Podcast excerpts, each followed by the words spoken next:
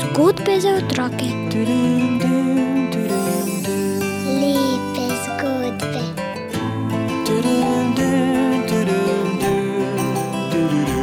Bere nam jih Juri Sešar. V prejšnjem delu naših zgodb za otroke, v katerih zdaj prebiramo zgodbo Tadeje Roblek, dva velikana in še večja mamica, pravzaprav šmarnice, ki smo jih presadili v juni, v skoraj že poletje, smo slišali o pogumu Frančiška Saleškega. Tudi v današnji zgodbi z naslovom Koliko nas je, hoho, je poguma kar veliko. Velikan brez las in z dolgo brado, tako mi rečemo Frančišku Saleškemu. Ljudje, ki so ga po njegovi smrti spoznavali po stvareh, ki jih je zapustil, ga imenujejo za velikega misleca in učenjaka. Na kakih podobicah pa je narisan s knjigo in utrnjo vitim srcem. Zares veliko je razmišljal in tuhtal Frančišek Saleški. Ko je šel na tisto pot v misijon med ljudi, ki so verovali v Boga, ki že za čas življenja na zemlji določi, kaj bo s tvojo dušo po smrti, je želel ljudem govoriti o tem, kako dober je Bog. Kako nas čaka in čaka, da začnemo delati dobro, ljubiti ljudi okrog sebe, biti spoštljivi. Toda zataknilo se je. No, pomislite na vašo domačo cerkev in skušajte v mislih prešteti ljudi, ki ponavadi ob nedeljah sedijo v cerkvi. Koliko vas je? Frančiška Saleškega je v začetku prihajalo poslušati le en, morda dva, trije, štirje, pet ljudi. Si morate misliti, kako razočaran je bil. Podobno kot da bi ti pripravljal koncert, predstavo ali kaj podobnega, poslušati pa bi te prišlo le pet ljudi. Zagotovo bi bil žalosten. Pa mislite, da je ob tem naš velikan vrgel puško v koruzo, kako rečemo tistemu, ki pusti vse, kar je počel, in zamahne z roko, češ, kaj mi mar? Ne, je seveda ne.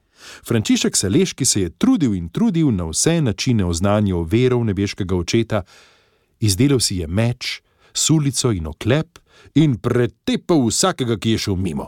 Na, ne, ne, ne, ne, ni delal tako. Zelo se je branil, ko so mu drugi duhovniki predlagali, naj vse čas z njim hodi kakšen mož, ki bi imel ob sebi sulico, da bi ga branil, če bi ga kdo napadel. Frančišek tega ni maral. Dejal je, da mora ljudem približati vero na spoštljiv in ljubezniv način. Tako so ga ljudje postopoma vzljubili. Prihajali so in poslušali njegove pridige, ker so vedeli, da je prijazen in da ne bo nikogar odgnal. Nekoč, ko so ga drugače misleči obtožili, da je čarovnik in mu grozili smrtjo, je pokazal na znamenje križa, ki ga je imel obešenega okrog vratu in rekel: Glejte, to je moja čarovnija. Tisti, ki so bili prepričani, da Frančišek Saleški nima prav, ko ljudem oznanja vero v Jezusa Kristusa, so stopili skupaj in ga izvali naj določenega dne pride na določeno mesto, da se vpričo ljudi neki pomemben mož povpraša o vsem, kar Frančišek uči ljudi o veri v Jezusa Kristusa. Vsaj dvakrat so ga tako izvali in upali, da ga bodo že kako ujezili, da bo ponoril, se razburil in se osramotil pred ljudmi. A Frančišek se ni dal. Svojo umirjenostjo, ljubeznivostjo in prijaznostjo je zaprl usta vsem, ki so ga hoteli ujeziti. Moči za vse pa Frančišek ni nabiral v telovadnici, ampak v molitvi. Večkrat je prosil tudi nebeško mamo Marijo z naslednjimi besedami: Spomni se, o premila devica Marija, da še nikdar ni bilo slišati, da bi bila ti koga zapustila, ki je pod tvoje varstvo pribežal. Tebe pomoči prosil in se tvoji priprošnji priporočal. S tem zaupanjem hitimo k tebi, o devica in mati, k tebi prihajamo in pred teboj zdihujoči grešniki stojimo. Nikar ne zavrzi, o mati, besede naših besed, temveč nas milostno poslušaj in usliši. Amen.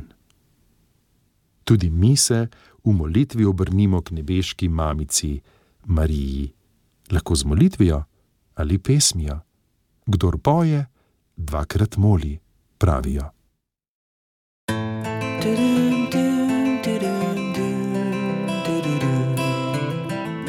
Zgodbe za otroke. Lepe zgodbe.